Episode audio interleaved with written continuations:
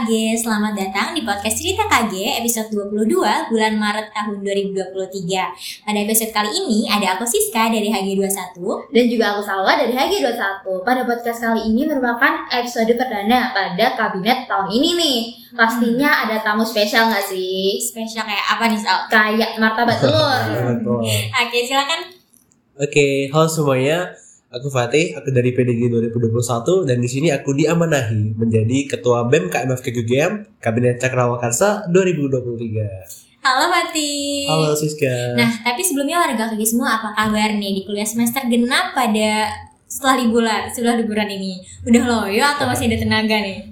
Harusnya masih gak sih? Kan dengerin kita podcast, lihat kita podcast Hmm. Jadi bertambah dong tenaganya di episode kali ini kita bakal ngulik nih tentang BEM KMF KGGM pada tahun ini Betul Kayaknya baru-baru ini gak sih kita tuh grand launching Mm-mm. Iya kan? Nah untuk kabinet tahun ini namanya apa sih sis? Oke kabinet tahun ini itu namanya Kabinet Cakrawala Karsa Wah bagus sih namanya Kalau slogannya ada nggak ya? Gimana kalau kita tanya kabimnya langsung? Oh, iya oke. betul Oke, jadi eh, sama dan Siska nih ya. Jadi tahun ini itu namanya Cakrawakarsa dan kabinet ini punya slogan. Kalau aku bilang kabinet Cakrawakarsa, jawabannya terbang menuju Cakrawala, wujudkan karsa bersama. Oke Oke Gimana kalau kita bareng-bareng langsung aja? Boleh, boleh, boleh Tangannya ada nggak nih? Gini-gini aja biar Oh, semangat. aja, Ya, oke. semangat. Oke. Siap? Siap Insya Allah Oke. Satu, dua, tiga. Kabinet Cakrawala Karsa terbang menuju Cakrawala, wujudkan karsa bersama. Asik. Nah, eh, aku penasaran nih, kenapa sih namanya Kabinet Cakrawala Karsa? Apa ada filosofinya atau apa gitu deh? Oke. Oke, baik. Em, untuk nama Cakrawala Karsa sendiri kan terdiri dari dua kata ya. Ya. Cakrawala sama Karsa. Kata Yang pertama Cakrawala. Nah, Cakrawala ini adalah sebuah amlengkung langit atau angkasa di mana di dalamnya itu terdiri dari banyak gugusan-gugusan bintang yang terus berpijar. Hmm. Sedangkan Karsa adalah kehendak atau niatan kita untuk berbuat sesuatu.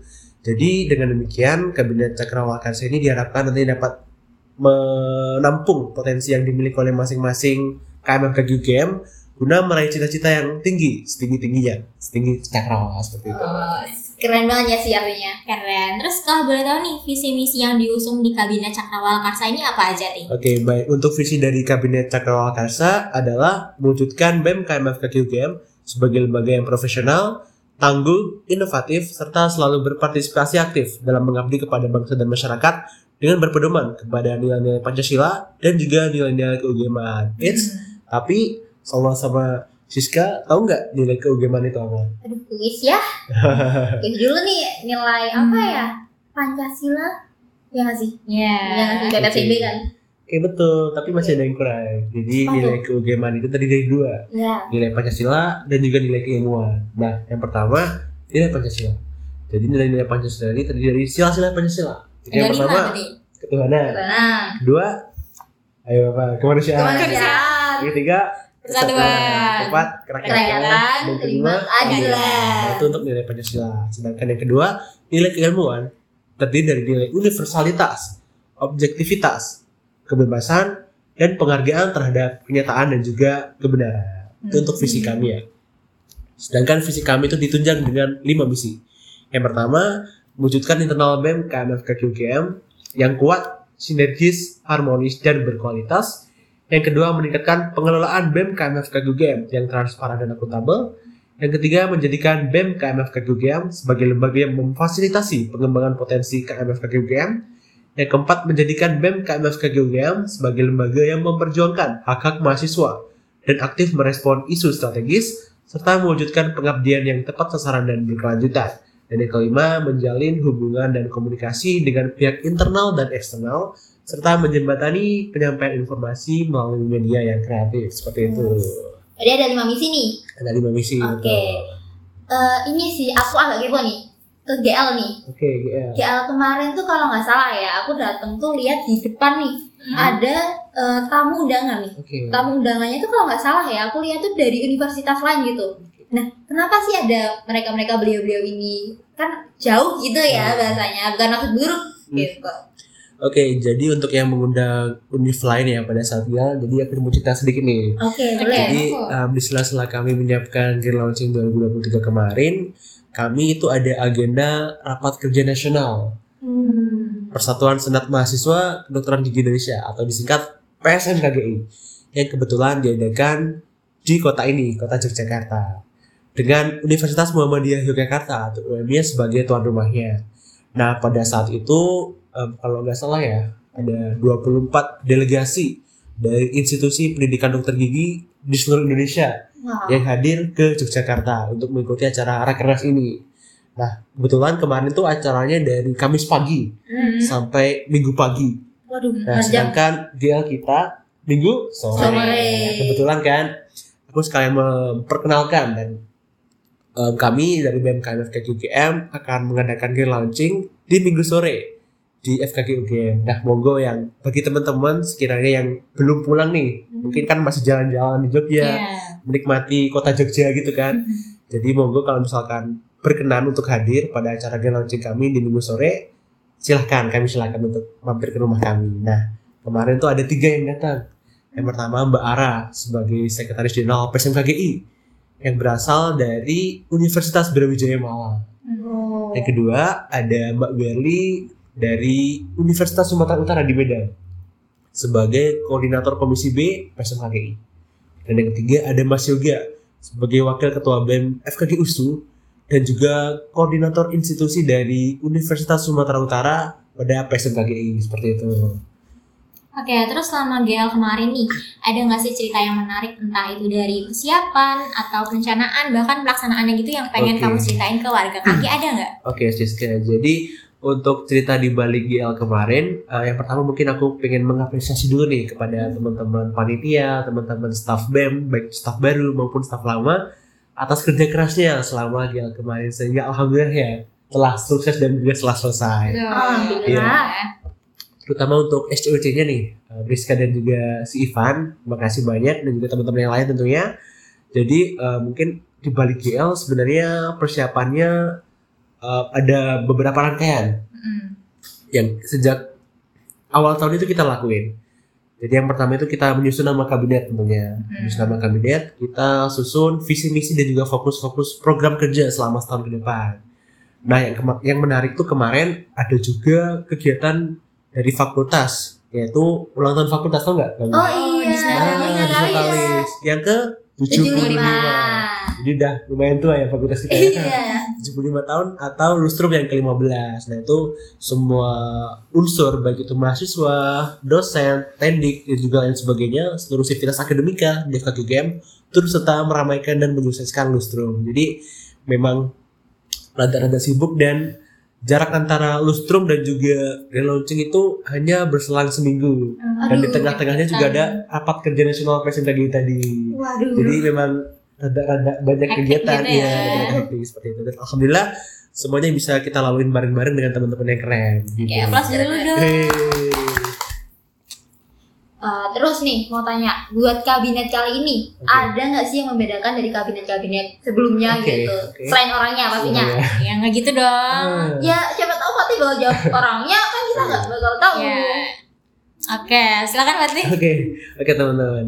Yang pertama eh, namanya, namanya Iya, ya kan? sih. Nggak salah. Ya, tahun kemarin itu namanya Kabinet Ruang Harapan dan tahun ini kami membawakan nama baru yaitu Cakrawala Karsa dengan filosofi yang sudah saya sebutkan tadi. Yang kedua, kami melakukan beberapa penyegaran dan pengoptimalisasian program kerja dari kabinet sebelumnya.